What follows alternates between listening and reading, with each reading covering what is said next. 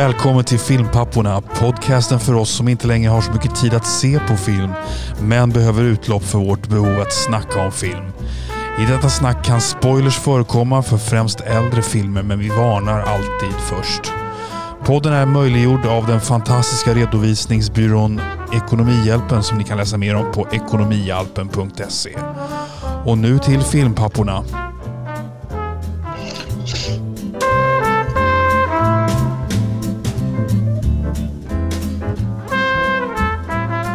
What is up my woman? What's up pun? här är det. Eh, Jag eh, sitter här redo och laddad. Jag har eh, pillat upp en filmfrågesport till dig idag som jag tror är eh, riktigt bra. Eller så här, jag, jag, jag tycker om den. Jag tycker den är rolig. Jag vet inte hur mycket objektivt eh, rolig den här kommer vara, men jag tycker att den var lite kul att sätta ihop i alla fall. Och jag är sjukt nyfiken på när du klarar den här. Jag kommer göra en sån här 5, 4, 3, 2, 1 eh, grej på dig. Okej, Ja. det låter onekligen skojigt. Ja. Ehm, jag eh, kommer att quizza dig lite på Oliver Stone faktiskt. Oh, jag lyssnade Mm. på en intervju med Oliver Stone idag. Får se om den kommer till nytta. Mm. Ja. Han, är, han låter cool, eller hur? Han har så Ja. bra röst. Ja, Ja, han är, han är cool. Lite så här konspirationsteoretiker. Ja, ja. Han är lite absolut. Han, är inte, han har inte alla hästar hemma alltid tror jag, men han är, han är cool ändå. Ja. Vi har ju lite lyssnarfrågor idag också. Vi har eh, Douglas, eh, vår lyssnare Douglas, som har deltagit i programmet tidigare när vi snackade om, våra favoritscener var det va? ja precis, scener Ja. som vi ser om och om igen eh, på YouTube från filmer. Så då var han med i det avsnittet och nu har han skickat in en eh, filmfråga här också så att eh, då kommer vi ta oss an lite önskvärda karaktärer kanske vi kan säga. Sen har vi lite eh, filmnyheter. Vi har lite ond bråd död och sen har vi en regissör som eh, har ett verkar evigt liv på den här podden i alla fall som jag tänker prata lite om och då kan man bara gissa vem det är. Jag, jag vet inte varför han kommer upp så mycket hela tiden men eh, det är väl någon karma. Eh, ni får se vem det är, ni som inte kan lista ut det. Börjar det på Q och slutar på O eller? Nej, det börjar inte. Det börjar på J och slutar på Y. Nej, förlåt. Det börjar på Ah. R och slutar på eh, Y. Nej, vad fasen. Ja, förnamnet börjar på R och slutar på Y. Är, eh, Ridley Scott? Ja, precis. Ja. Nu sprängde du allting. Spoilers. Förlåt. Sen på triviali Ja. trivialiteterna, då tänkte jag återknyta och prata lite om John Williams. Vi pratade lite om hans bakgrund. Så jag tänkte Mm. ta upp den eh, lite kort där. Ehm, Okej. Och återknyta till det som jag samlade om här för några avsnitt sedan. Okej, jag ska prata lite om en eh, regissör som heter Amy Heckerling. Heckerling. Okej. Det är Du känner definitivt till eh, några av hennes filmer, men du kanske inte känner till henne vid namn. Nej, jag känner inte Nej. igen här namnet sådär. Nej. Det ringer inte någon Mm. klocka sådär. Sen blir det filmrecension. Och nu går vi in på populärkulturella grejer. Vi recenserar nyligen streamsläppta Shang-Chi and the Legend of the Ten Rings. Vet du ens vad det är Oliver? Nej, ingen aning. Det är en Marvel-film. Det är inte den senaste, den senaste är Eternals, men det var den som kom ut innan Eternals.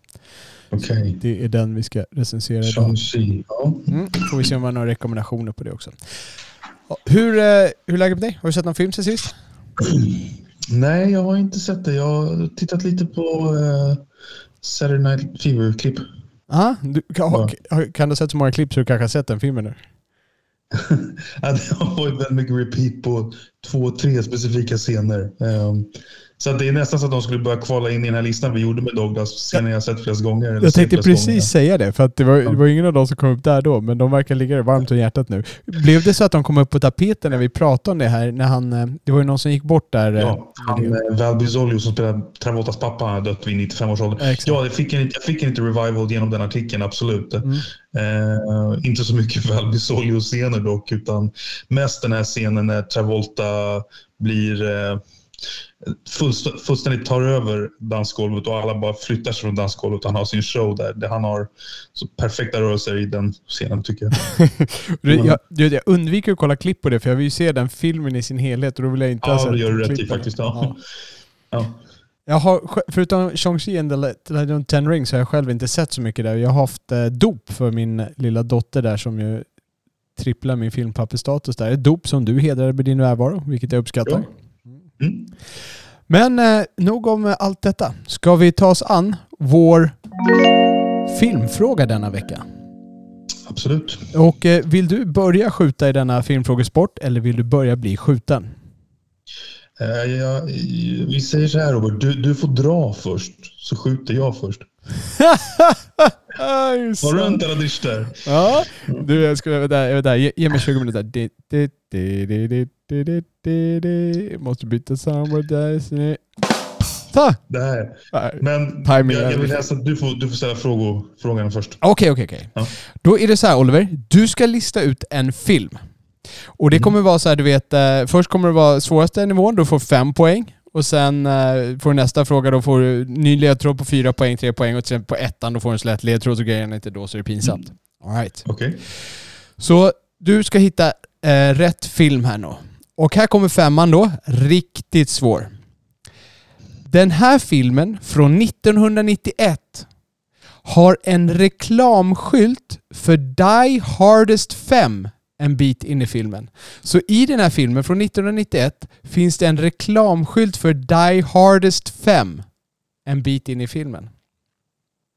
Okej. Får, får jag liksom gissa? Hur många gånger får jag gissa? En enda. Så att säger du fel film, så det är ju det som är risken liksom. Om du Okej. har en bra gissning här, vågar du släppa den redan Okej. här? Okej. Ja, Jag, kan ju, jag, jag, ju, jag, jag får ju en bild av att det, det skulle kunna vara... Det, det, ju, det känns ju som någon action med komediinslag. Men jag, jag går nog ner till fyran faktiskt. Okej, okej, okej.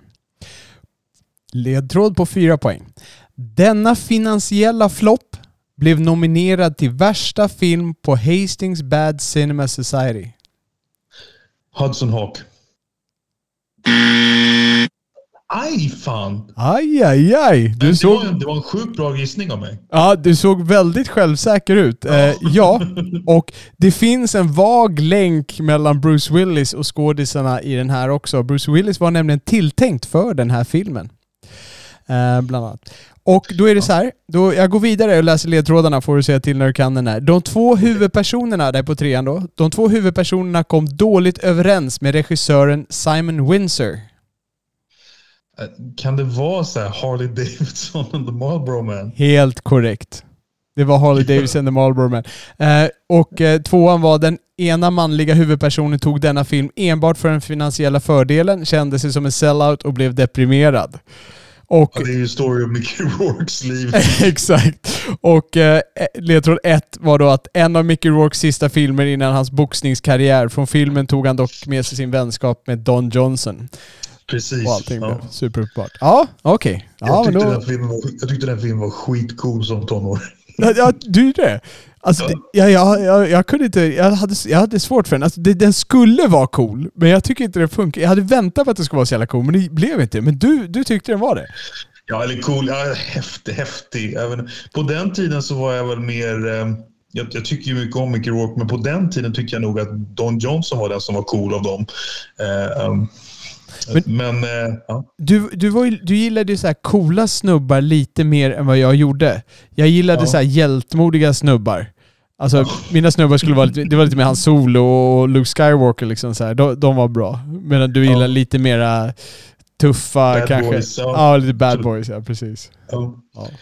Eh, ja, men det var en jättekul quiz, Robert. Och eh, Die Hardest 5, det hade, jag, det hade jag ingen aning om. Då, då började jag tänka spontant på liksom eh, Sly Arnold som gör små tributes till varandra i sina filmer. Men tänkte det, det är ju inte dem. Liksom. Nej. Det som var är att det avslöjat att den är en bit in i framtiden i alla fall. Vilket Ja, den här det. filmen ger. Så det, det är väl en liten del av ledtråden. Och årtal är du så jävla grym på så jag vågade, när jag sa 91 då tänkte jag då har du typ alla filmer och bara kan sortera ut. Ja. Ja, men det var kul. Ja. Det var jättekul. Så, Yes. vad får jag? Ja. Nu ska jag se Ja, vi ska, vi ska prata om eh, en man som är lite mer kritikerhyllad än den här Simon Fuller. Eller vad han heter. Får jag, fråga, får jag bara fråga, eh, jag som ser dig på Skype, plockar du precis ut din stomipåse? Nej, det var faktiskt bara en iPhone-sladd. En iPhone-sladd, okej. Bara- Ja. Jag ser dig bara rafsa runt i tröjan och plockar ut. ja. For the record, Oliver har inte stomipåse, det var bara ett. Jo, nej men så här. ehm, Oliver Stone är en väldigt produktiv man och eh, han har gjort en del bra filmer. Han har gjort en del dåliga filmer också, men man kan inte ifrågasätta hans produktivitet. Jädrar vad han har gjort mycket filmer och jädrar vad han har skrivit mycket filmmanus. Och vi ska prata om hans filmmanus, inte filmmanus till hans egna filmer utan eh, filmmanus till andras filmer. Eh, och jag kommer lista sex, sex eller sju, en, två, tre, fyra, fem, sex, sex filmer. Mm. Som har, där han har, fem av dem har han fått credit för som screenwriter. Inte ensam screenwriter i alla fall, men han är med som screenwriter på fem av de här sex. Och du ska identifiera den filmen som han inte var screenwriter på. Och då för att förtydliga, det är inte bara det att han inte fick cred på den, utan han var inte, han var inte involverad överhuvudtaget. På den sjätte. Uh, nej, precis. Ja. precis. Han var inte, Ja. han var inte uncredited screenwriter, utan han var, han var inte med involverad. Han var inte med, nej, precis. Mm, okej. Och jag kommer, de här är filmerna jag har lagt, lagt dem i kronologisk ordning. Ska vi eh, ska jag gå in på vad filmerna handlar om lite grann och sådär för att folk ska få lite kontext eller ska jag bara rabbla titlarna? Hur, vad tycker du Robert? Vi gör så här, rabbla titlarna först så får jag, får jag en känn på vad det är för typ av filmer Okej. där. All right, så i kronologisk ordning kom de här filmerna. Midnight Express, Scarface, Year of the Dragon, 8 million ways to die, We're no angels, Evita. 8 million ways to die och We're no angels kan du gärna berätta lite om handlingen på. För min del i alla fall. Okej, 8 million ways to die det är ett drama med Jeff Bridges och Rosanna Arquette. Och. We're No Angels är, det är med Robert De Niro och Sean Penn när de är gangsters som klär ut sig till präster för att fly. Okej. Ja, det där det känner jag igen det. Jag har inte sett filmen, men jag känner igen det. Okej. Gör så här, läs filmerna lite sakta från början. Så ett, för ettan var? Midnight Express. Scarface. Ja, Scarface vet jag att han var med på. Year of the Dragon. Den var han med på. 8 million ways to die. Ingen aning. We're No Angels. Ingen aning. Evita. Evita. Och Evita är ju så konstig så han måste ju nästan ha varit med där. Det är ju en jäkla musikal. Men alltså att stoppa in Evita där, det skulle vara så jävla ful genialiskt i så fall av dig om det var Evita som var det odd and out. Och sen de här två filmerna som du nämnde nu med de här som jag- man typ inte har hört talas om. Skulle vara konstigt att ha med dem också. Förlåt, vilken var den första filmen du sa? Midnight Express. Jag säger att det är Midnight Express. Det är fel. Vilken var det? Ja, jag är inte så ful genialisk att jag hittar på Evita utan den skrev han ihop med Alan Parker. Ja, just det. Eh, den han inte var screenwriter på var We're No Angels. We're no angels, okej. Det, var, det var min second guess om det är någon tröst. Ja, vi blir eh, skjutna båda två. Men det var en kul grej också. Jag gillar Ja. de här när man ska försöka hitta the, the wrong one out. Liksom. Hitta fel, finna ett fel. Ja, nej, men cool. Vi har ju också en uh, lyssnarfråga. Douglas har skickat in en här. Och han har skickat in en fråga jag hade stora problem att hitta svar på. Jag satt och tänkte på den här ganska länge. Du vet, jag satt och rafsade igenom det. var så, här, så jag började titta igenom filmlistor för att, för att hitta någonting. Jag hade svårt. Så den filmfrågan han skickade in är If you could spend a day with any film character, who would you choose? Och det är alltså, man ska välja en filmkaraktär som man får spendera en dag med. Alltså en, eh, en karaktär från en film. Och det är inte i den karaktärens miljö, utan säg att den karaktären kommer hem här i Tyresö och hänger och sådär. Så man ska Mm. inte välja karaktären för att få komma till dess planet eller dess djungel eller någonting sånt där då. Utan det är att hänga en dag med just den här karaktären. Ehm, hur, hade du problem att hitta svar på det? Ja, men lite grann. Så här, det, var ju du, du, det var ju du lite grann som förtydligade här att vi inte skulle stoppa in personen i hans eller hennes miljö. Och, och då blev det lite, lite svårare. Jag menar, eh, det blev lite svårare. Och eh, jag, man, jag hade några contenders liksom. Ehm, ehm, men, det, men det blev lite svårt eh, om, om man inte får ha i dess miljö. Eller om man inte... I, I mitt fall så skulle jag gärna vilja att personen har tillgång till ett visst prop, kan man säga. Ja, just det. Ja, men in, han, han behöver inte ha miljön i, i övrigt, men ett, ett prop eller två. Ja, exakt. han- Är det en trollkarl som har ett trollspö så får han ge med sig trollspöet såklart. Ja. Lite så. ja. Jag, jag tänkte Lite så. också så här att man inte väljer några riktiga personer, det vill säga att man inte väljer Dalai Lama även om det finns filmer om Dalai Lama. Eh, utan, utan det ska vara en, en filmkaraktär som inte finns. Och jag valde också att eh, utesluta så här praktiska så att man inte väljer anden i Aladdin för att man får tre önskningar eller någonting sånt där. Eh, Mm. Valde jag, jag att ta bort, utan det, det ska vara för att man vill hänga med den här personen. Så vad hade du för, vad hade du för bubblare liksom? Alltså, alltså det, blir, det blir så märkligt här för att eh, jag kan ju tycka att en karaktär kan vara intressant samt, och liksom, man skulle vilja hänga med en karaktär för att den är intressant men samtidigt kan den vara liksom våldsam och kanske döda en och kanske inte så trevligt. Eh, men jag tycker det skulle vara kul att träffa Tyler Durden men det skulle säkert vara skitjobbigt liksom. Eh, så att, um, Men om man då, får, om man då får spoila så, så ja. skulle du alltså, du skulle alltså träffa um, Edward Norton. Ed, Ed Norton, ja precis, som är lite knäpp och schizofren. Ja, ja det skulle vara intressant. Ja, uh, ja absolut. Ja, nej men eh, vad, jag hade ganska svårt att hitta några contenders utöver den här eh, vinnaren. Hade du några contenders? Jag, jag hade ju mer sådana här som jag kunde utesluta. Jag satt verkligen och tänkte, alltså, så Indiana Jones, James Bond och de här barndomshjältarna. Nej, alltså, vad skulle man göra med dem i en dag? Liksom inga superhjältar eller någonting sånt där heller.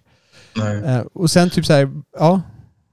Någon, alltså, men sen, sen en grej som jag uteslöt också, jag uteslöt liksom eh, någon kvinnlig karaktär som jag bara tycker är söt. Liksom. Det, det tyckte jag blev lite, det, lite lamt. Och, alltså, jag, jag ska träffa någon, en ung vacker Julia Roberts. Liksom.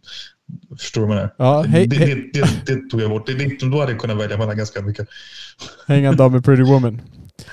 Ja, jag, jag, jag tänkte det också, men jag, jag, kunde heller inte hitta någon liksom, som, som kunde slå på det planet. Jag tänkte typ så här på jag tänkte så här på Robin Williams karaktär i Döda Poeters Sällskap. Som är en karaktär jag uppskattar. Jag skulle gärna liksom... Det är en karaktär jag skulle kunna tänka mig vara vän med. Jag skulle gärna vara i hans klass liksom och så vidare. Men mm. vad, vad, skulle jag göra med honom en dag? V vad skulle vi ha för utbyte av varandra? Det, det här är någonting jag skulle vilja ha ett långsiktigt utbyte liksom och få, få, få dela liksom världsbilder och tankar och poesi med honom. I så fall. En dag blir lite kort. Då ska man ju hellre vara med Stifler i American ja, ja. För att liksom ha lite action på en dag. Ja, och jag tänkte på det där också. Någon som skulle vara riktigt kul att hänga med. Men jag, jag kunde ja. inte komma på någon liksom. För det är ju sådär att antingen är det så här, som är Dum och Dummare, liksom, de är roliga men man vill ju inte vara där på riktigt. Man vill bara sitta och skratta Nej. åt dem vid bioduken. Sen såhär, Baloo liksom. Jag börjar tänka på sådana här Disney-karaktärer. Så här, Baloo verkar vara en skön typ. Men vad, vad ska man göra under en dag med honom liksom? Mm. Ja, det var en svår fråga. Svårare än jag trodde den skulle vara. Ehm. Ja, vad, vad, kom du, vad kom du fram till då i slutändan? Jo, men jag skulle faktiskt vilja hänga med Jack Baker i The Fabulous Baker Boys. Ja, det är så? Um, ja. Det Jeff, skulle jag nästan kunna gissa om jag satt och tänkte efter. Ja, um, det är Jeff Bridges karaktär. Han är ju en svårmodig jazzpianist i den där filmen. Uh, han är en väldigt arrogant uh, person. Kanske inte så trevlig, men hoppas väl att kanske att jag kunde hänga med honom och, och sitta vid en flygel när han spelar. Liksom. Typ så tänkte jag, apropå the prop. Lite. Skulle du vilja sitta vid en flygel och spela med honom eller bara sitta medan han spelar? jag skulle nog mest vilja lyssna på honom när han spelar. Sen om han, jag tror inte han är typen som liksom är så intresserad av att ge en hobbypianist några tips. Liksom. Men om, om det föll sig så så kanske jag skulle spela lite, kunna ge lite feedback eller någonting. Men jag skulle främst vilja lyssna på honom. Och för de lyssnare som inte vet så är Oliver enligt mitt utsago en eh, skicklig pianist. Jag eh, brukar ofta lyssna, du skickar mig ibland lite stycken när du spelar och jag gillar ja. dem genuint Oliver. Det är liksom ja. the real stuff. Tack. Ja, ja, det, Tack Robert. Ja, ja man, man kan nog också gissa den person som jag väljer. Och det här är någonting som kom upp när vi pratade med eh, Douglas på podden också. Så det, det jag kom fram till att jag började söka efter någon som skulle kunna ge mig någonting. Eh, och då menar jag inte en sak, utan mer så här, hjälpa mig se in i mig själv, öppna mina ögon, lyfta min vishet en grad. Och vem är det då jag skulle spendera en dag med, Oliver? Yoda. Yoda. Yes, it's Yoda. mm. Rootly, very good. Taste. ja. Så Yoda skulle nog bli min. Och om det är någon annan lyssnare där ute som har en person, kan ni inte gå in på det här avsnittet i kommentarerna och skriva ner det? Och framför allt du Douglas, kan inte du skriva ner, vem är din karaktär? För den här frågan var så svår. Du vet, jag tänkte jag skulle komma upp med massa roliga bubblor, men det är, liksom, det är inte så många karaktärer jag skulle vilja spendera en dag med. Men, men Yoda skulle jag verkligen vilja spendera en dag med. Men jag har en följdfråga till dig Robert. Ja. Eh, om du får träffa Yoda, vad skulle du ställa för fråga? Ehm, jag, jag skulle nog... eh, jag skulle nog förhoppningsvis få prata mycket om mig. Jag hoppas att han inte är en sån här eh, som vill sitta och prata om sig själv hela dagarna. Jag, jag skulle ställa honom frågor. Jag skulle alltså öppna mig själv, visa mina tankar och, och bolla dem med honom. Få dem reflekterade och borra mig ner i saker och sån här eh, saker som jag själv går och, och, och dribblar med i huvudet liksom. Och Men du få måste koka ner till en fråga Robert. En fråga, jag har ju en hel dag på mig. Alltså, ja, okej, all right. ja, men Det blir lite roligare för lyssnarna, tänker jag. Liksom, om, du nu, om du nu träffar Yoda och du har ju hört hans visdomsord i filmerna. Vad har, vad har du, vad, vad, eller så här, du behöver inte konkretisera till en fråga, men kan du ge något litet spår som du skulle liksom vilja eh, följa med honom?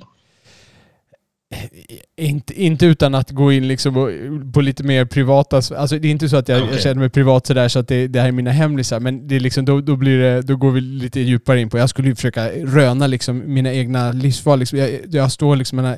Jag, har det här liksom, jag har den här dragningen, jag har den här dragningen inom mig. Liksom jag drar mig själv åt två håll. Liksom. Ska jag, är jag den här personen, är jag den här personen? Var- Varför har jag de här två två sakerna liksom inom mig som drar åt olika håll och sådana här saker. Liksom. Vad, vad är det för röst jag följer? Vad är, ja, så vidare.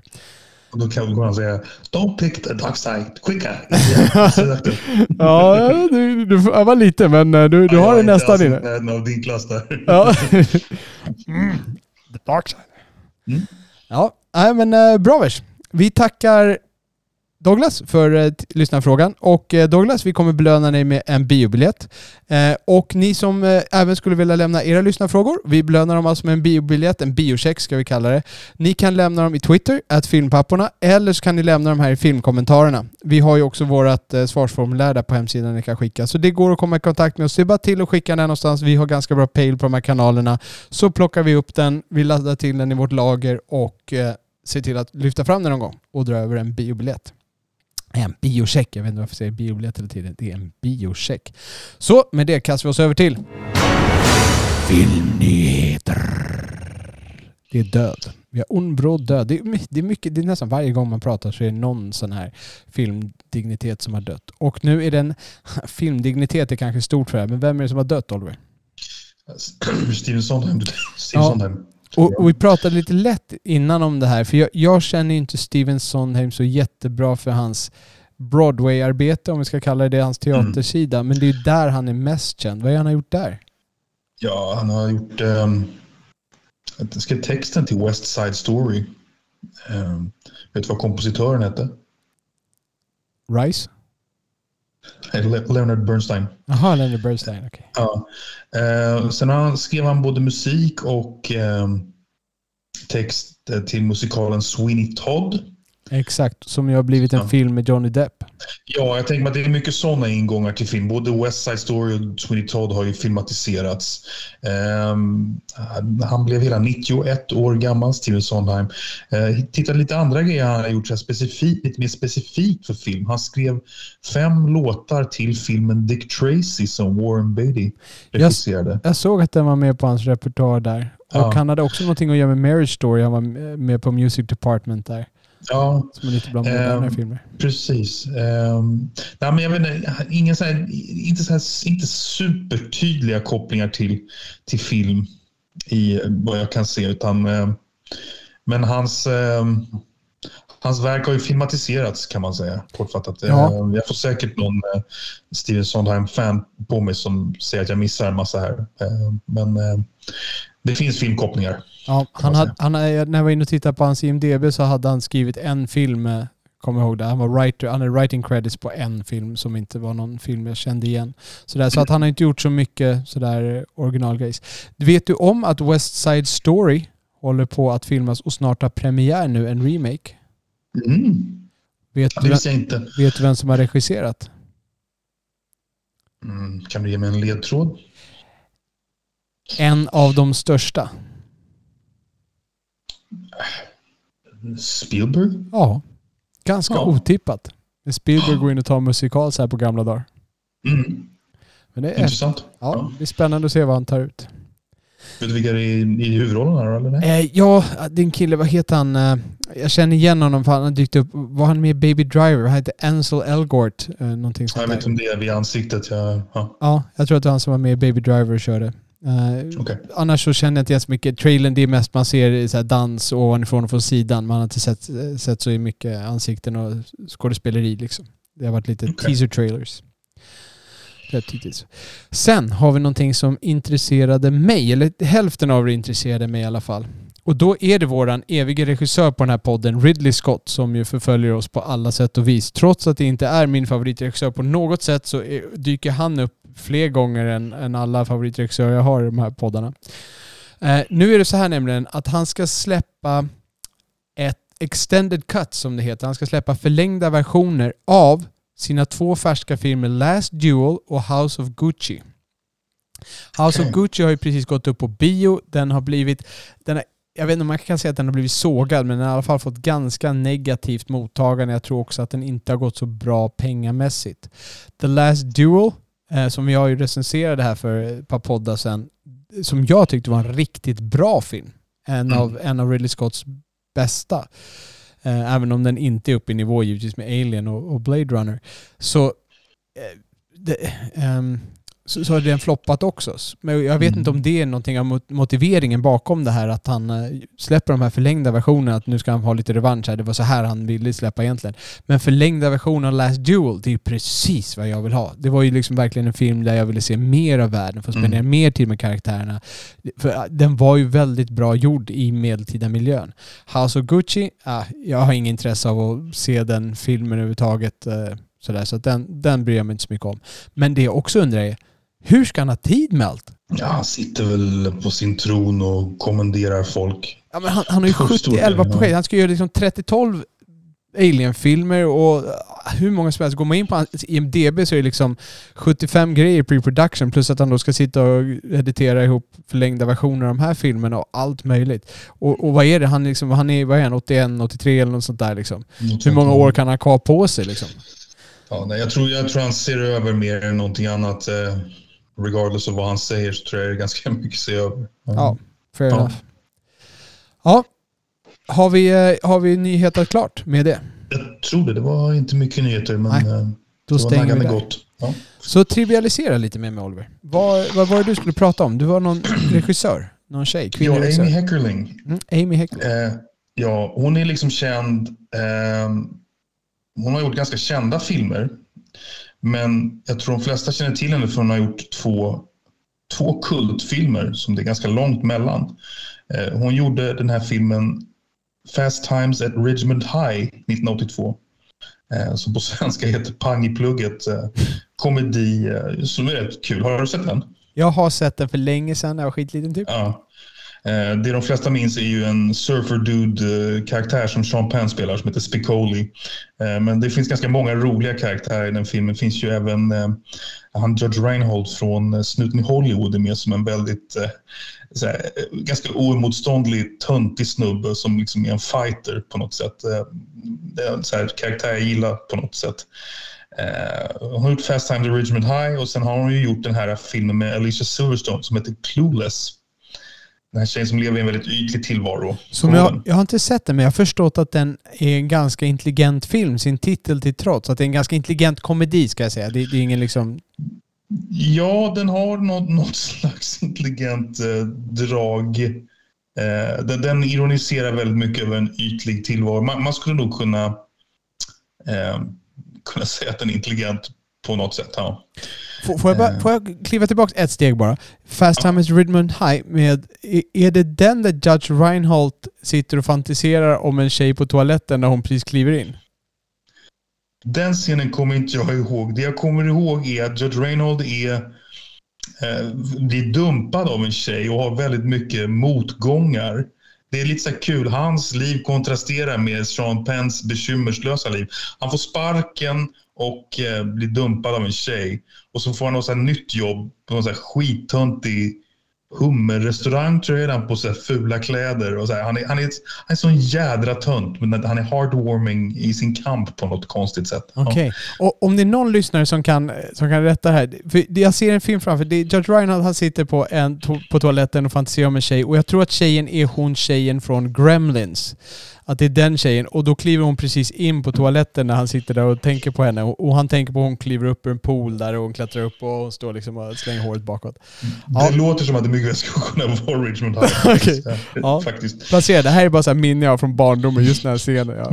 Helt ja. apart. Ja. Så berätta mer, vad har Ellen gjort mer?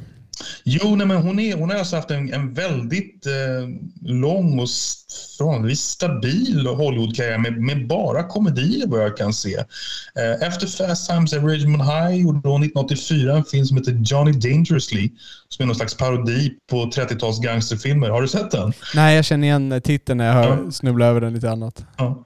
Och sen 1985, National Lampoons European Vacation. Jaha, alltså, var det hon som gjorde den? Ja, det är ju en, eh, det är en rolig film. Den är inte, jag tror, vet inte hur bra den har åldrats, men den var ju rolig då. Ja, det, det nummer två av Chevy Chase-filmerna där. Exakt, ja. helt korrekt. Sen 1989, Look Who's Talking. Ja, det, det här är ju framgångsrika filmer hela vägen. Ja, ja liksom. verkligen. Absolut. Sen gjorde hon Look Who's Talking 2 också.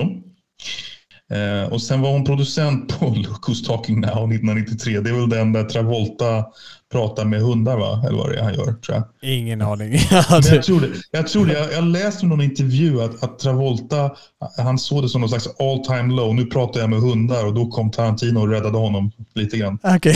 ja. Uh, året efter gjorde han Pulp Fiction. Sen 95 kommer då Clueless. Um, och sen så var hon producent för A Night at the Roxbury, en kultfilm som jag bara sett delar av. Den med Will Ferrell. Den är, du har sett den eller? Ja, den är, den är inte mycket att hänga i granen. Det är tyvärr en av de här sämre när de tar ut eh, ett par karaktärer från Saturday Night Live och ska ja. då lyfta ut. Ja, den, eh, den är ingen jättehöjdare. Nej. Sen gjorde hon en, en floppkomedi som jag tyckte var lite halvkul som heter Loser. Det är med han, eh, vad heter han, American Pie-killen? Ja, eh. just det. När han, han har på sig en mössa så här, som går ner för öronen. Så här stor mössa kommer jag ihåg. Eh. Exakt, han är en countryboy som börjar på universitet och är kär i Mina Suvari. Eh, som också är från American Pie. Eh, Jason Biggs heter ju han. Jason ja. Biggs heter han. Ja, sen gjorde hon en komedi eh, med Michelle Pfeiffer som heter I could never be your woman. Jag tror med Paul Rudd också. Och sen gjorde hon någonting 2012 som heter Vamps. Um, och det är också en komedi. Det är en comedy horror med Alicia Silverstone. Det låter som någon riktig flopp. Men eh, en gedigen eh, lista med komedier får man väl ändå säga. Lite, lite staying power ändå. Nej, men det, det, var, det är ett namn man borde ha, ha på kartan, alltså med den resumén. Det är ju det är inga, liksom, det är inga stjärnfilmer, men det, är, det verkar vara en ganska bra lägstanivå. Det var inte många floppar, utan de flesta är bra kassafilmer. Liksom. Mm. Ja, men hon har, jag tror hon har, hon, just, just tack vare Fast Times Ridgemont High och um, um, Clueless så har hon lite kultstatus, för det är två kultfilmer kan man säga. Men, uh, men sen är det ju en smäll. Alltså hennes största hit är väl Look Who's Talking. Den är ju störst av alla där i, i finansiella intäkter, vågar jag gissa. Sto, tror du den står Clueless? Clueless var en stor succé. Ja, Ja, jag vet inte. Har en trivialitet till nästa gång. Ja. Säg hennes namn en gång till. Amy Heckerling. Amy Heckerling. Jag tror jag kallar henne Ellen eller någonting längs vägen. Amy Heckerling. Mm. Jag ska prata om John Williams. Just det. Vet du när John Williams är född? Vilket år? Eh, jag, jag, tror att jag har läst att han är född 1937. Ja, 32. 32? Ja. då var jag ganska bort. Så han fyller alltså 90 nästa år. Inte långt kvar. Ja. Han är fortfarande aktiv. Hans farsa, det, det, anledningen att vi började prata om honom kan jag säga, för att, för några avsnitt sen så började jag svamla lite, för jag har ju läst om honom tidigare men jag kommer inte ihåg detaljerna i hans barndom, jag började blanda ihop lite saker. Hans farsa var musiker, men han var jazz percussionist. Vad innebär det om man är jazz percussionist? Man slagverkare. Okej. Okay.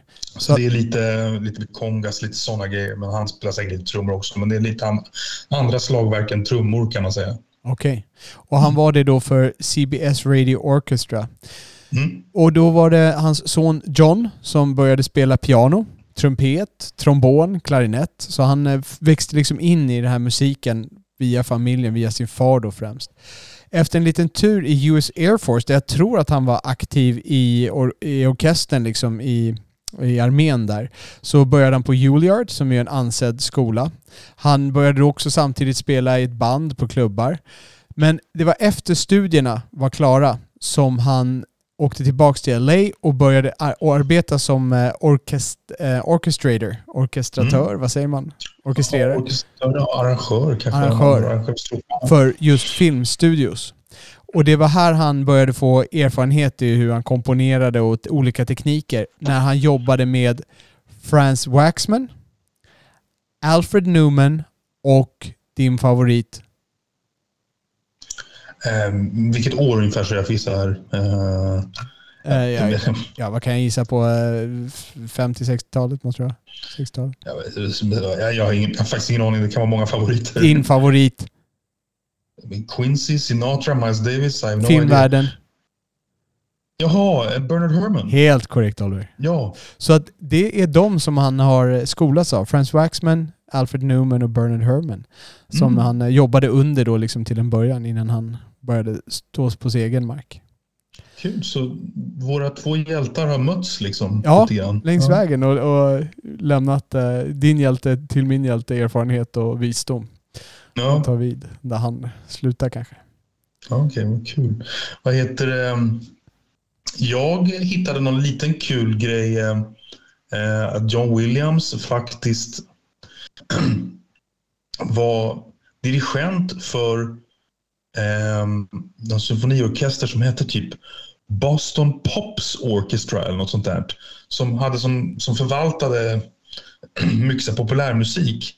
Eh, jag snubblade in på dem när de, de gjorde en, eh, en take på eh, vad sjutton det där, signaturmelodin på Star Trek som jag tycker är så bra. Eh, så att, eh, ja, nej, man har med mycket John Williams kan man ju lugnt säga. Vem har skrivit signaturmelodin för Star Trek? En man som heter Alexander Courage. Mm. Ja. ja. bra. Ja. Då tar vi och glider över och pratar lite mera filmrecension. Och nu blir det Marvel. Mm. Eh, vill, du ta, vill du ta lite, eh, lite ledningen på det här? Alltså lite hostrollen på det här? Okej. Okay. Jaha Robert, eh, vilken av alla Marvel-filmer är det här nu då? Sorry, det var den Det här är Chong... ja, ja, faktiskt. Nej, alltså det här är, är över 20 filmer. De är lätt över sådär. Okay. Jag, jag vet mm. inte om, eh, om... Eh, jag har någon sån här, får en siffra i huvudet att de här avslutande filmerna i den förra um, förra så att säga, rundan som kulminerade med Avengers Endgame, att det var film nummer 18. Men jag, jag, jag vet inte om det är nummer som stämmer, men jag, jag får det i huvudet. Så att vi är nog väl över 20 filmer i det här Marvel-universet, vilket är imponerande. Och mm. det, det, är liksom, det är hög kvalitet de håller på filmerna. Och repetera titeln på den, den hette? Shang-Chi, det är ett namn. Ja. And mm. the Legend of the Ten Rings. Så det är en asiatisk inspirerad film. Det handlar om en... Det börjar liksom att man ser en man som har tio magiska ringar. Och med ringar det är inte fingerringar utan det är armbandsringar så man har dem runt armen då alltså. Så han har tio magiska ringar och med de här ringarna kan man inte åldras. Så han har levt flera hundra år. Så man börjar se när han är någonstans i vad vi kanske skulle kalla medeltiden då fast han är i Kina. Mm. Och han, eh, med de här ringarna så blir han superstark och han kan slunga energi och sådana saker och hoppa fram. Så han blir lite, lite av en enmansarmé. Men eh, det, det här slutar med att han träffar sin överman, eller i det här fallet sin överkvinna. Och då är vi någonstans på 90-talet när han då träffar henne. Så han har levt i flera hundratals år och han hittar någon magisk plats och träffar den här kvinnan då som lyckas övermanna honom. Och det blir ju till så att de eh, faller för varandra mm. och skaffar ett barn och sen så hoppar det hela fram till nutid. Och där får man börja följa Sean och man, man, man ser liksom på kopplingen att det här är barnet då som har växt upp men det här barnet är plötsligt i, jag kollade faktiskt inte riktigt men det måste vara San Francisco på hur det såg ut. Mm. Och eh, i San Francisco så hänger han med sin kompis och kollega Katie och de är valets. Jag vet inte vad har ett svenskt ord för det. De är alltså de här som parkerar bilarna när man kommer till flådiga hotell. Så han mm. och hans kompis Katie, spelad av Aquafina, parkerar bilar. Men så en dag när de är på väg med spårvagnen hem så kommer det några konstiga snubbar och liksom går fram till honom och pratar lite kinesiska. De verkar känna honom redan. Och så vill de ha den här lilla medaljongen han har runt halsen. Och plötsligt så när de börjar attackera honom och knuffa undan hans eh, kompis där då så börjar han släppa loss massa kampsports kampsportstakter, ska jag säga. Så börjar han släppa loss massa kampsportstakter som hans kompis aldrig har sett tidigare och plötsligt visar att han är en extremt kapabel kampsportskämpe. Och det är där filmen då tar sin handling, då han ska börja för, försöka förstå varför det är någon som vill ta tillbaks hans medaljong som han haft med sig sedan barndomen. Och saker, handlingen, liksom bakgrunden börjar sakta men säkert nystas upp. I den här filmen så får vi se Simu Liu. Det är, försökt uttala, men det är han som spelar huvudpersonen. Vi ser Aquafina som ju börjar bli en kändis här i världen. Eh, Tony Chuang Chuai Leong som är en kändis om han är borta mer i kinesiska världen. Jag tror att han var med i originalet till The Departed, att han var en av två huvudpersonerna där. Känner du igen de här? Du nickar som att du känner igen namnet. Nej, men jag nickar på filmen The Departed. Jag, ja. vet inte vem det är faktiskt. Sen finns det många andra kända ansikten som dyker upp. En del man inte ska nämna av spoilerskäl. Eh, och sen ser vi också Ronnie Cheng som man ser i nästan alla asiatiska Hollywood-filmer. Så det här är, det är, det är en kinesisk cast mer eller mindre, eller? Ja, och det är ju ja. lite så här att Disney är ju ute efter, Marvel ska man väl säga, de är ju under Disney, de stu, egen studio under Disney. De är ute efter att diversifiera lite. Det ska vara mer kvinnliga regissörer, det ska vara mera svarta regissörer. De gick in, tog in svarta regissörer, eller svarta regissörer och hjältar då till Black Panther. Ja, Black Panther där. Och sen så har nu gått in på asiatiska och jag tror att i den här släppta nu, Eternal, så är den första homosexuella superhjälten och sådär. Men jag måste bara fråga. Um, all, allt som, jag har en bild av att allt som liksom, allt Marvel-relaterat bygger på någon slags serie från början. Allting bygger på serietidningar, ja. Så det här är en serie från början? Ja, det är en serietidning från början, ja. Sen tar ja. de sig friheter och plockar ut historier, karaktärer, ändrar lite sådär grejer, men allting har sin ursprung i, i gamla seriekaraktärer. Det här är en lite mindre känd Marvel-serie låter det som ändå. Absolut. Det kan ju vara att den är modernare. Jag har inte forskat så mycket i bak seriebakgrunden men det kan också vara att det är en modernare som mm. kanske är från de senaste 10-15 åren när åtminstone jag har tappat kontakten helt med serievärlden där. Mm. Det är en hel del kinesiska i den här filmen faktiskt. De pratar en hel del kinesiska, så det, det är mycket undertexter för att vara en Marvel-film. Det är dock viss inkonsekvens. Det är till exempel, det finns så här när de samlar hela familjen som ju då är kineser, men då är det för mycket liksom förklaringar som ska ges och då börjar de plötsligt prata engelska fastän det bara är kineser där. Så det är lite inkonsekvent. Och det, det lutar mer åt kinesiska i början, när de vill sätta den grunden. Liksom. Då, pratar, då pratar de kinesiska i många olika miljöer. Um, och han, Simu Liu, som är huvudpersonen, som spelar huvudpersonen är då Shang-Chi. Han är, han är riktigt, riktigt bra. Han är karismatisk och han är, han är väldigt naturlig. Uh, och han, är, han är en bra skådis i det han fick visa här. Det är en begränsad roll, så den, den är inte jätteutmanande, men han fyller den ganska väl. Och han fyller den med karisma. Jag tyckte om honom. Han är bra kampsportare också, generellt. Um, och sen har vi Aquafina. Känner du till Aquafina? Nej. Hon blev... Det låter ju som, det i sig låter ju som en, en Marvel-karaktär. ja, faktiskt. Aquafina, Aquamans worst nemesis. Mm. Hon, jag tror, jag vet inte om jag säger rätt, men i alla fall i min värld så blev hon känd när hon gjorde en remake på en hiphop-låt det finns en My Dick som, där typ de rappar om varför deras dick är den bästa och den andra är den sämsta. Det är lite battle rap som har blivit lite känd. Och hon, då gjorde hon en parodi på den, eller parodi, en, egentligen en, mots, en kvinnlig motsvarighet som var om uh, My Vagina. Mm. Uh, och det var det som i alla fall fick upp henne i min värld. Så hon har en musikalisk karriär med lite, lite skoj hiphop. Men, och sen har hon då brutit sig in i filmvärlden. Och hon är karismatisk, hon är bra, hon är rolig sådär. Men hon spelar precis samma karaktär om och om och om igen. Hon var med i till exempel Crazy Rich Asians. Den karaktär och den hon spelar här, de är identiska. Det är bara ny miljö, nya personer runt omkring. Det är exakt samma grej. Hon spelar bara samma sak där. Och, och för övrigt så, typ halva casten från filmen Crazy Rich Asians är med i den här filmen också. Jag ska inte avslöja exakt vilka och sådär men det, det är väldigt många castlikheter. Ronny Cheng nämnde, som jag nämnde tidigare. Han är ju typ med i alla asiatiska Hollywoodfilmer. Visst är här Ronny Cheng, är det han som är ståuppkomiker också? Det kan vara så. Jag tror det. Jag tror att han är i alla fall i någon utsträckning. Jag har för mig att jag har sett honom på någon ståuppscen. Och han är, han är ju. Ja. och sen om man ser till själva kampsporten i den här filmen, som ju är en, är den, inte den viktigaste delen på något sätt, men ändå är en viktig del. Så den är generellt bra, men det finns en märkbar kvinnlig roll som levererade klart under par. När hon klev in och började slåss, då sjönk nivån drastiskt. Det, då blev det så här, här har vi en skådis som är, de skulle nästan behövt klippa snabbare liksom för att dölja hennes oskicklighet. Och då tappade, då, då föll mitt förtroende direkt liksom, just vid den scenen. Då, då, då naggades det liksom inför resten av filmen. Och sen finns det också en scen när de slåss ut på utsidan av ett höghus. Och det kändes som det var lite för mycket studio. Jag fick aldrig den här känslan att de verkligen var där. Det kändes som att det var studio. Det var bra datagrafik och sådär. Det såg bra ut, men det, man kände liksom inte att de var där ute. Det kändes som att de var i en studio. Jag vet inte om det är ljudet, vinden, miljön, vad det var. Men det kändes aldrig som att det var höjder och sånt där. Det, det, blev, ingen, det blev ingen dramatik sådär. Men det som egentligen fäller den här filmen för mig är att den är alldeles för standardformelbunden. Eh, formulaic skulle man säga på engelska. Eh, den är, och det, det är lite samma som Black Widow föll i, som vi pratade om med i en annan podd. Jag tror det var vår gästvärd Alex som var här. Och, och jag säger inte att det är fel att ha en sån här form och följa den. Men i den här filmen så är den så uppenbar. Det är liksom man sitter där, jaha, nu är det förklara-scenen, nu är det setpiece-scenen och då tar det mig ur filmen. Det blir, det blir så uppenbart hur man bara ska Mm bocka av de här olika typerna av scener.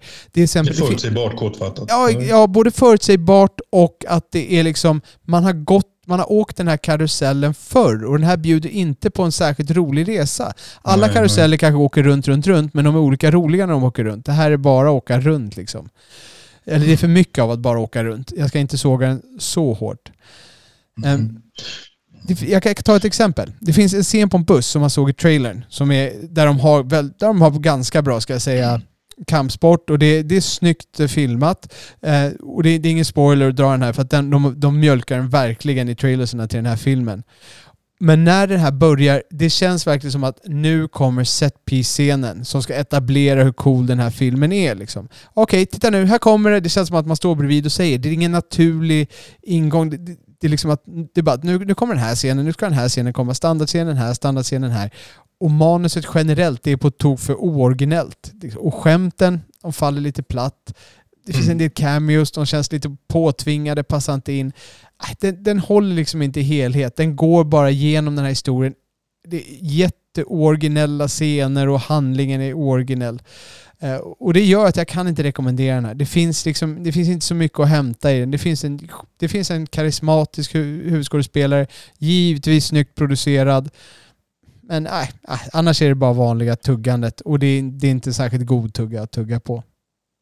Jag kollade faktiskt upp Ronny Cheng nu och det, han är mycket riktigt ståuppkomiker. Jag känner igen honom. Han är, han är faktiskt rolig som ståuppkomiker. Det Ja. måste jag säga. Eh, Jag skulle gärna sett mer av honom än många andra karaktärer i den här filmen kan jag säga. Ja. Ja. Ja, så att det blir, eh, det blir, jag kan inte rekommendera någon att eh, ödsla en barnfri stund på att se den här filmen, utan hitta något annat. Jag ska rekommendera någonting annat om man är lite kampsportsugen. Oliver, vad skulle du rekommendera den här veckan innan jag går vidare på mina kampsportsgrejer? Blir det ännu mer kampsport sen? Ja, det blir ännu mer kampsport sen. För jag, jag brukar Okej. försöka hitta en rekommendation. Om man inte vill se Shang-Chi and the of Ten Rings, vad ska man se istället? Okej. Jo, ehm, vad heter det? Fråga mig inte riktigt hur jag kom fram till den här. Ehm, men eh, jag är ju inget så här jättestort fan av det jag sett av Gus Van Sant. Men en film där jag tycker han får till det. Jag vet inte hur många som kommer ihåg den. Det är en film från 2007 som hette Paranoid Park. Eh, och det handlar om en, en teenage-skatare som... Ehm, det, är så här, det, är en, det är en teenage-skatare som liksom... Man, filmen handlar om, ska man säga... Det är liksom en, en ganska mys, mys, mysterious film som handlar om en, skater, en teenage-skatare och hur han kan kopplas till en, en polis som dör kortfattat. Eh, väldigt poetisk, ganska långsam film. Eh, Men jag minns den som väldigt bra, eh, att, att Gus Van Sant fick, fick till det eh, i den. Och det, det säger jag utan att vara ett fan av Gus Van Sant i övrigt. För de som inte känner till, vilka filmer är Gus Van Sant mest känd för? Han är ju, det är ju Good Will Hunting. Drugstore Cowboy med Matt Dillon. Eh, han, har, han har ju gjort några riktiga mainstream-filmer. Eh, vad heter den här um, filmen med um, Sean Connery som kom några år efter Good Will Hunting. Mr någonting. Han är någon sån lärar, lärarfigur som är mentor åt någon vilsen Projects kille tror jag. Ja, precis. Ja, Mr. Forrester någonting. Ja, precis. Mr Forrester, det va? Mm. Ja. Eh, han gjort mycket smart. Han gjorde ju Elephant som mm. du gillar vet jag, som ja. handlar om eh, Columbine-skjutningarna. Han gjorde eh, en film som jag stängde av för jag tyckte den var så tråkig. Um, Last Days som handlar om Kurt Cobain. Eh, han är en riktig... Ja, han har väl ändå behållit lite av en independent spirit eh, i hur han gör filmer. Eh, men jag tycker inte hans, generellt sett inte hans filmer är så jädra bra. Men Paranoid Park är en riktig pärla av honom. Förlåt, vilken film var det du stängde av honom? Uh, Last Days, den Last om Kurt Cobain. Ja. Det, det, det, vore, det, det är inte rättvist av mig att döma ut den filmen. Liksom, men det var, det var liksom... det var väldigt, väldigt arty och långsamt och sådär. Eh, det är en sån här film jag borde ha sett när jag var 23 när jag hade lite mer tålamod för såna här långsamma filmer. Ja. Och ja. jag kan ju säga Elephant, som jag, jag då gillar, du, du sa att det handlar om mm. Columbine shooting och det, det, gör den ju på ett sätt. Det är inte direkt Columbine shooting men det är en nästan identisk situation. Eh, ja. Så, så, att den är ju verkligen hämtad därifrån, hur, liksom den, den lever i samma anda. Och den han, filmen är också... Han, den han, filmen är, många klagar ju på att den, precis som du säger, är långsam. Och det är den. Men det finns en method to the slowness istället för method to the madness. Okay. Det, och det finns ett syfte med den, liksom, med den här långsamma takten, hur den bygger upp och hur den bygger in. Och, och när det här väl händer så har den förtjänat den här, mm. det som händer liksom mot, eh, mot slutet, liksom, tredje akten. Ja, jag minns att när jag såg den, jag tänkte att den här hade jag nog mått bra av att se på bio i en stor svart salong med lite mer stämning. Men man ska alltså se Paranoid Park. Jag blir ju ja. som nästan alltid nyfiken. Mm. Den filmen... Vad säger du själv Robert? Vad har du att rekommendera? Ja, och jag kommer att gå lite i samma fälla som, eller samma fälla, jag, jag kommer att tillåta mig själv gå lite i samma spår som förra gången när jag rekommenderade en film som jag misstänker, då, då, eller när vi pratade om Card Counter, så rekommenderade jag filmen rounders. Precis, och det är ju lite mm. i samma anda. Men det är ju sån här film, gillar man det så har man sett den. Jag kommer ju lite samma grej här. Om man gillar kampsport då har man sett den här filmen, så jag kanske preaching to the choir. Jag eh, predikar inför kören. Mm. Och den film jag kommer rekommendera är Woho Kan Long, om jag får slakta kinesiska namnet. Och det är givetvis Eh, är det någon Jackie Chan-rulle eller? Jag vet inte. Nej. Nej. Och, om du lyssnar på lite grann på hur jag säger det här, ska, nu ska jag se om jag kan få tortera dig med det här. Woho Kanlong. de som kan kinesiska, jag, jag för, förlåt mig. Jag, ja, är det, det, är inte den här Kung Fu Hustle? Nej, det är Crouching Tiger, Hidden Dragon. Jaha, jag tänkte du skulle höra att det var da da da da da. All right. Never mind. Hashtag långsökt. Det är, den här filmen, för det första delar den här en del skådisar med Shang-Chi and Legend of Ten Rings. Jag ska inte säga vilka, av lite spoilerskäl där, så att eh, det får man se.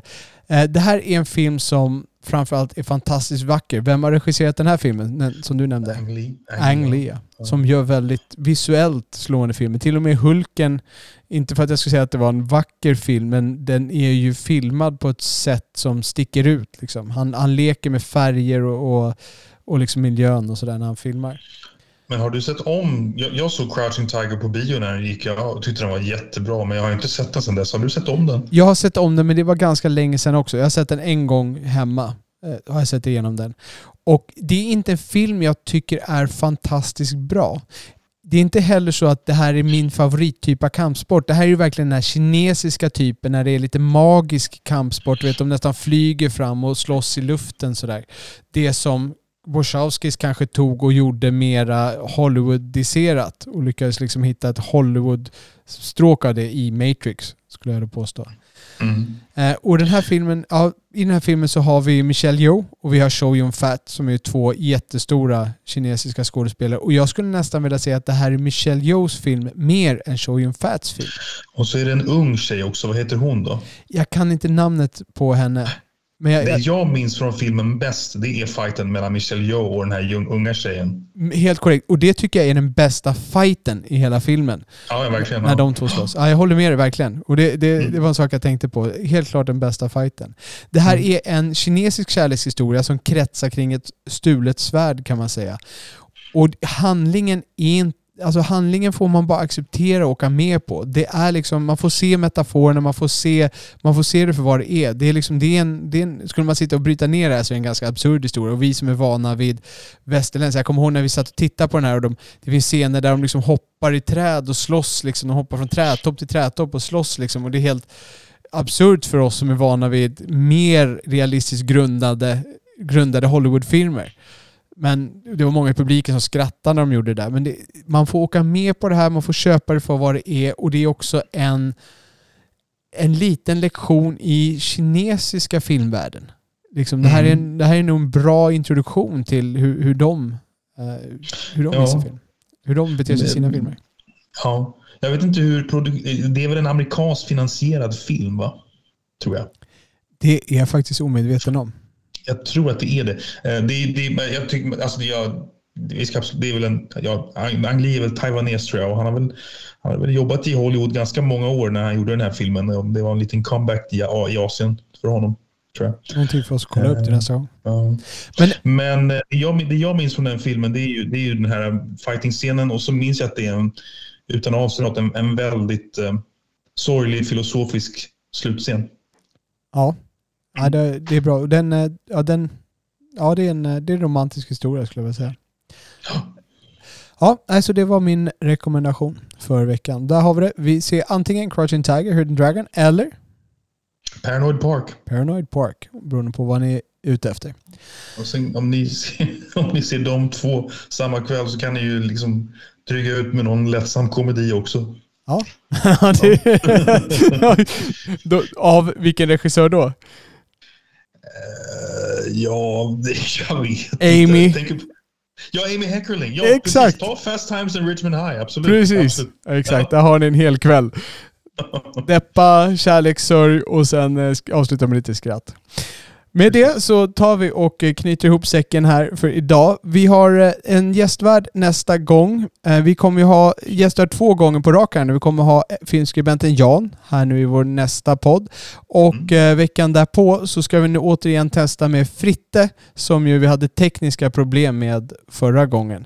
Och sen har vi börjat ladda upp inför våra julspecialer här. Det kommer bli topplistor. Ska vi avslöja vad det är för topplistor som vi kommer att kika på? Ja, vi ska ju en om 80-talet va? 80-talspärlor. Ja, precis. Vi ska försöka hitta fram topp tre 80-talspärlor sådana här som man har glömt bort eller Glömma, kanske ja. som man har missat. Och det ska vi, då ska Fritte vara med i det avsnittet också, så vi kommer ha med honom två gånger. Och vi kommer också ha med skribenten Jan då, som ska vara gästvärd nästa gång. Han kommer vara med två gånger också. Så där kommer vi ha ett, eh, en topp tre Clintan. Då är vi inne på ditt område här mer. Mm. Topp tre Clintan-rullar och givetvis ett bottennapp också. Och jag måste säga att jag är mer nyfiken på ditt bottennapp, vad du väljer där, än på dina topplistor. Ja, du vet ju vad som kommer där tror jag. Jaså? I topplista. Oj, ja, då måste jag sätta mig... Ja, Topplistan kan jag där, där vet jag vad som kommer, Ja. men bottennappet... Nej, bottennappet, det, det, är- ja, Ja, ja det, det är jag nyfiken på. men det är kul. Det alltså Clinton har ju gjort väldigt mycket bra, men han har gjort ganska mycket dåligt också. Så Ja. Det. Ja, ja det, det blir mycket Clintan-snack då. Men det, det blir lite så här julspecialare som vi släpper där i jultiderna. Så med det så tackar vi Ekonomihjälpen, vår eminenta redovisningsbyrå som ser till att vi kan köra den här podden. Jag tackar som alltid dig Oliver. Det är fantastiskt kul att ha dig här. Tack detsamma Robert. Always a pleasure. Och vi tackar givetvis Eh, Er. som lyssnar. Och med det säger vi Yes. Au revoir. Au revoir mes amis! Ni har lyssnat på Filmpapporna som släpps var eller varannan vecka. Man kan ladda ner vår podd i alla vanliga poddappar. Ni hittar också våra avsnitt med fulla avsnittsanteckningar, länkar och klipp som vi talat om på vår hemsida filmpapporna.se. Det är där ni lämnar kommentarer till varje avsnitt med era åsikter, beröm, förbättringstips, korrigeringar eller egna anekdoter. Ni kan också följa oss på Twitter, filmpapporna. Och med det så tackar vi redovisningsbyrån Ekonomihjälpen som möjliggjort denna podd och önskar er alla mörka salonger och så salta popcorn. Grrr.